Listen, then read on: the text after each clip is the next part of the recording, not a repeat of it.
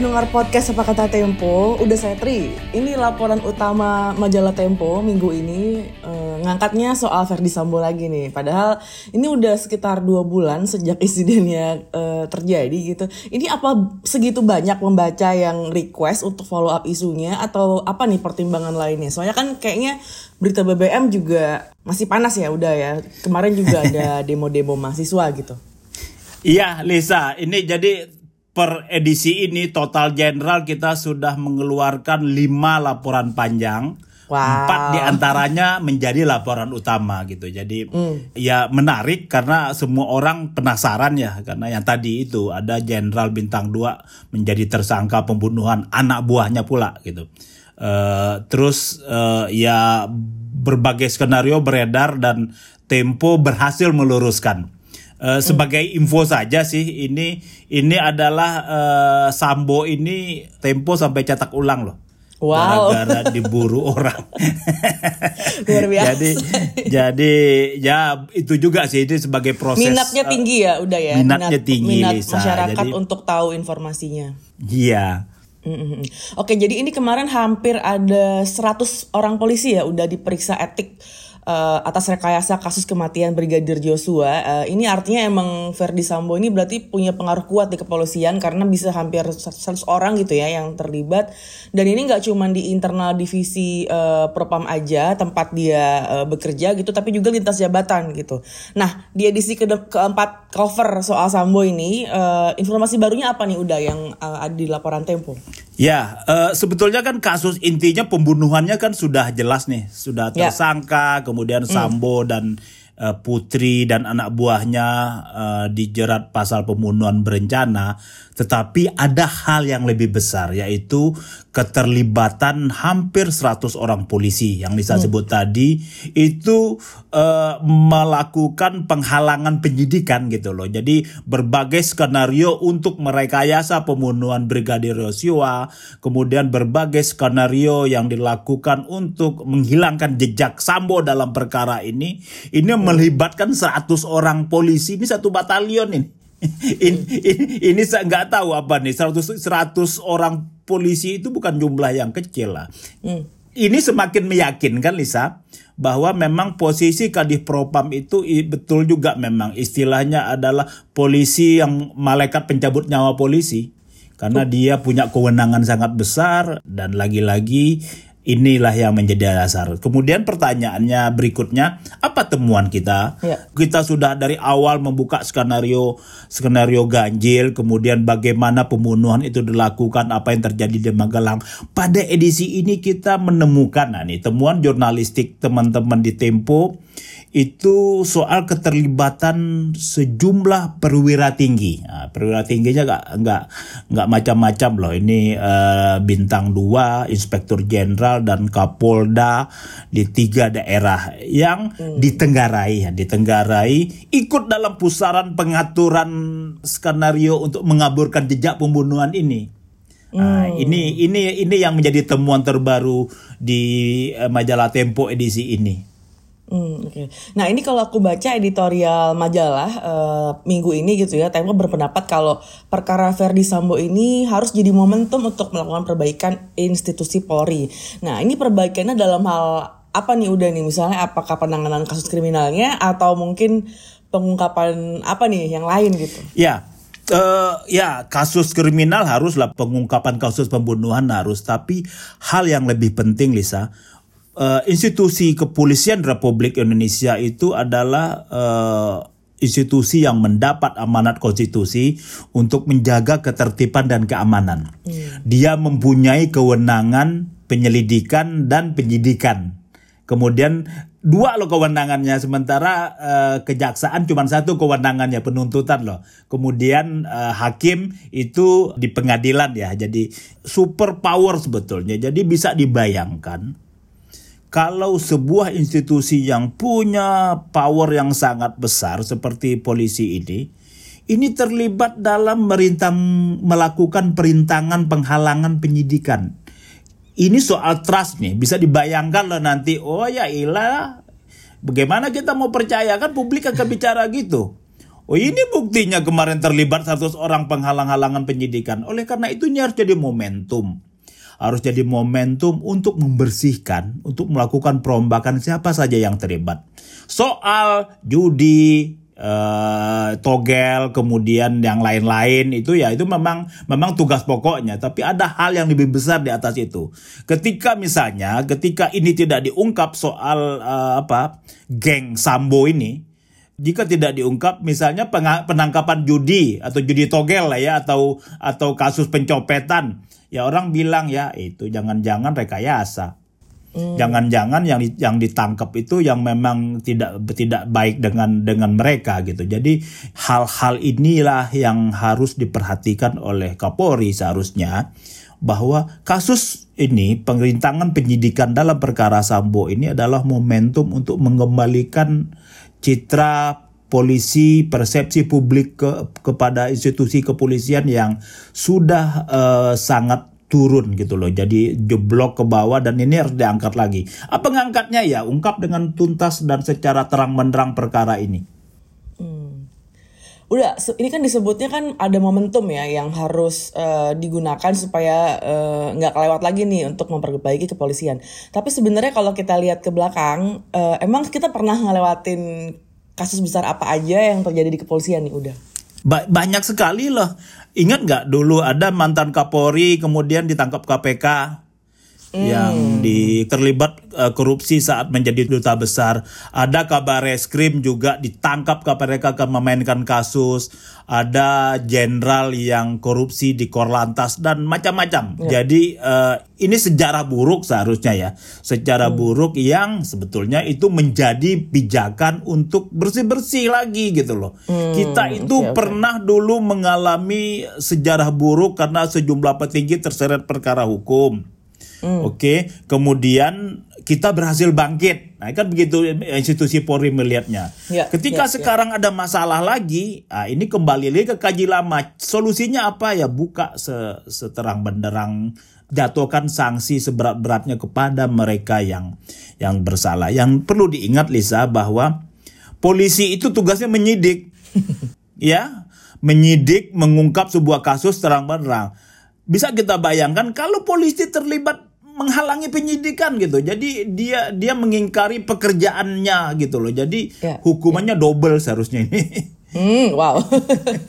Udah, tadi kan yang disebut itu yang uh, mungkin yang kasus korupsi kebanyakan ya ada sampai rekening gendut segala gitu. Tapi kalau di Sambo ini belum ada indikasi korupsi kan udah atau udah ada nih sebenarnya? Ya, uh, belum lah ya karena kasusnya hmm. kasus pembunuhan ya kriminal pidana umum ini kan ya. apa mm. kasusnya pembunuhan ya korupsinya ya belum korupsi itu kan terkait kerugian uang negara lah ya jadi belum belum terlihat lah itu uh, dan rasanya nggak ada ya uh, kecuali misalnya tapi nggak juga kadif propam kan tidak mengelola anggaran hmm. jadi memang tapi kasus pasal-pasal yang dijerat sekarang kepada Ferdi Sambo kemudian kepada orang-orang yang terlibat dalam pembunuhan termasuk eh, enam atau lima orang anggota Polri yang apa yang juga menjadi tersangka dalam kasus menghalang-halangi penyidikan itu nggak ada pasal korupsinya ini lebih ke pasal pidana satu pembunuhan satu merintangi penyidikan.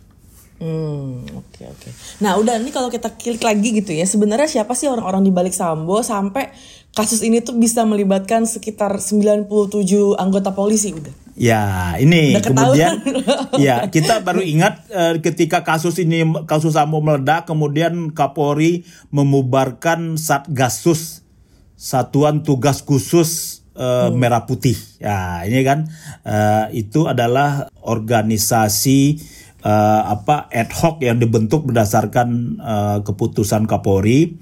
Uh, ini banyak banyak bidang kerjanya nih soal apa menangkap narkoba. Jadi lintas lintas proses, lintas apa lintas uh, lembaga kan misalnya asumsinya kalau anggota Polda Metro dia hanya boleh melakukan penangkapan misalnya di daerahnya. Kemudian ya. kalau dia mau nangkap ke daerah orang lain harus izin. Jadi Satgasus Merah Putih ini bisa Jadi dia dibentuk or, sebagai organisasi yang lengkap seluruh daerah, kemudian melakukan penindakan macam-macam, hmm. penanganan terorisme kadang-kadang, kemudian demo 212, judi dan lain-lain, narkoba. Nah, ini ini ini Sambo ketuanya, ketua hmm. kasat satgasusnya. Ini menjadi jawaban kenapa kenapa dengan begitu mudah tanpa perlu teriak-teriak datang 100 orang membantu dia dalam dalam skenario mengaburkan pembunuhan uh, Brigadir Joshua. Nah, ini muncul bagaimana Satgas itu bekerja, bagaimana Satgas Merah Putih orang sebutnya Satgas Merah Putih MP gitu. Jadi jadi uh, sandi-sandinya apa uh, anak MP itu, nah, anak MP itu anak Satgas Merah Putih. Uh, jadi uh, inilah ini menjadi jawaban kenapa dia uh, sangat powerful bisa melibatkan 97 anggota polisi. Hmm. yang bukan hanya bawahannya itu perlu diingat nih. Bukan hmm, hanya iya. bawahannya. Lintas itu ya lintas, departemen ya. Iya bukan hanya bawahannya Lisa ke mana tiga orang Kapolda yang kita tulis di apa di edisi ini itu seleting hmm satu satu pangkatnya sama dengan dia gitu loh. Tapi karena karena bergabung dalam sebuah organisasi yang sangat powerful pada masanya kemudian yang sekarang sudah dibubarkan Satgas Merah Putih, karena hmm. itulah Sambo sangat powerful juga jadinya begitu. Hmm. Jadi kadang-kadang kalaupun udah dibubarin tetap ada pengaruhnya kali ya, udah ya tetap ada tetap ada klik-kliknya gitu mungkin. Uh, iyalah, ini mereka bertahun-tahun bersama dari 2017 mereka sampai kemarin dibubarkan bersama-sama terus. Sebelumnya Sambo menjadi ketua harian, sekarang dua Kapolri ini Sambo menjadi menjadi ketua Satgasusnya itu. Jadi hmm. sangat dekat lah, sangat dekat dan ini kita ingin bisa sebut ini adalah kelompok-kelompok elit makanya di judulnya tim elit Trunojoyo. Jadi jadi pasukan elit Trunojoyo itu ya ini Hmm. pasukan elit yang tidak ada di struktur. Eh, maksud saya itu tidak ada dalam kayak apa Kopassus itu kan beda kan. Kita kan di polisi ada Brimob, uh, hmm. uh, Paskas, gitu AU ya. Tapi ini dibentuk berdasarkan uh, surat Kapolri, keputusan Kapolri tapi ad hoc sebetulnya karena hmm. uh, bisa bisa berubah, bisa berganti, terbukti dengan sangat mudah dibubarkan kemarin kan. Hmm. Jadi inilah tim elitnya nih tim elit ketika bersatu ya mereka menjadi elit dan menjadi eksklusif. Ini ini hmm. dampaknya. Ketika ya. satu terjerat hukum ramai-ramai membela karena itu 97 anggota polisi diperiksa oleh tim sus ya. dalam kasus uh, pembunuhan Brigadir Joshua ini. Tapi belum ketemu soal permainan uang di sini ya, berarti udah ya? Ya kan sampat santer itu Lisa, ada beredar hmm. dia apa chart-chart soal bandar judi, setoran segala macam, tapi belum terverifikasi ya belum okay. terverifikasi kemudian ya ini kan kalaupun ada kan pasti gelap-gelapan nggak mungkin yeah. terbuka gitu jadi jadi ya apakah suatu saat akan terbuka saya kok percaya gitu karena karena karena karena ini kan kedekatan mata ya tapi ya sampai yeah, saat yeah. ini proses penyidikan di Polri di Bareskrim di Tim Sus dan di Irsus itu belum sampai ke sana lebih ke sampai kasus pembunuhan Brigadir Joshua kemudian yang terbaru adalah sidang etik terhadap dugaan uh, perintangan penyidikan. Oke. Okay. Nah, udah ini kan buntut dari kasus Sambo ini memang sudah mencoreng uh, kepolisian ya sebagai sebuah institusi ya di, di mata publik gitu. Jadi warga ini udah mulai sering-sering uh, menyinggung soal Sambo lah kalau mereka tuh mengkritik kepolisian. Nah, ini celakanya nih udah nih, udah ada dua warga yang ditangkap karena mengkritik polisi di media sosial uh, dengan cara tuh menyinggung-nyinggung Sambo gitu. Ada warga asal uh, Nusa Tenggara Timur dan juga Pekanbaru. Nah, ini uh, ini menurut aku lebih ngeri lagi karena iya. lagi-lagi soal medsos ya, ditangkap gitu ya. Ini tempo gimana tangkapannya? Ya kita tetap apa bahwa bahwa berekspresi itu tidak boleh dilarang, tidak boleh ditakut-takuti sebuah. Jika jika dianggap keterlaluan gitu loh, dianggap keterlaluan di, diperingatkan. Kalau main tangkap itu rasanya kurang pas ya. Karena karena yang dikritik itu anggota polisi yang sudah dipecat meskipun yang melakukan tidak pidana. Memang harus dikritik. Mungkin Hmm. teknik penyampaian kritiknya yang yang yang mungkin dianggap berlebihan. Ini kan bisa diperingatkan, ditegur lah. Kalau main tangkap jadinya nanti menjadi teror baru lagi. Orang mendadak tidak boleh berbicara soal Sambo misalnya. Padahal Hmm. kita harus lihat bahwa pengungkapan kasus ini eh, support besar kepada tim sus kepada Polri ini karena media sosial semua orang berteriak di media sosial, ayo ungkap ungkap gitu. Jadi eh, polisi harusnya berterima kasih kepada para netizen ya yang memberi dukungan eh, terhadap pengungkapan kasus ini. Kalau ada yang centil, ada yang nakal sedikit, buat ya diperingatkan, jangan main tangkap. Karena kalau main tangkap lagi-lagi ini anti kritik nanti tuduhannya. Iya. Kemudian juga eh, oh ya Sambonya sudah jelas jadi tersangka pembunuh, masa mengkritik aja nggak boleh kan panjang ceritanya. Malah negatif turnya buat institusi Polri nanti. Hmm, oke oke oke. Oke, ini seru ya udah ya pembahasan kita kali ini eh, padat, singkat dan lagi-lagi soal Sambo gitu ya. Eh, terima kasih teman-teman sudah mendengarkan sampai eh, akhir gitu ya. Nantikan obrolan kita berdua nih di, pekan depan. Kita bahas isu terkini lagi ya udah ya. Apalagi nih abis Sambo nih. Tempo lagi ngapain lagi udah? Kita kita masih menunggu-nunggu nih Lisa BBM udah naik, kemudian ya rasa banyak sih, banyak tema-tema politik yang akan mulai panas. Ya. Tiga periode mulai ramai-ramai lagi. Jadi aduh. rasanya tidak akan pernah kehilangan tema kita dalam Betul. membahas podcast ini Lisa. Selalu seru pokoknya di apa kata Tempo. Aku sih cuma dengerin udah saya teri ngomong. Jangan lupa rajin-rajin kirim kritik buat kita dan juga saran bisa di comment sectionnya Spotify atau mungkin DM di Instagram. Eh, pamit dulu ya kita udah jumpa lagi minggu depan. Bye bye.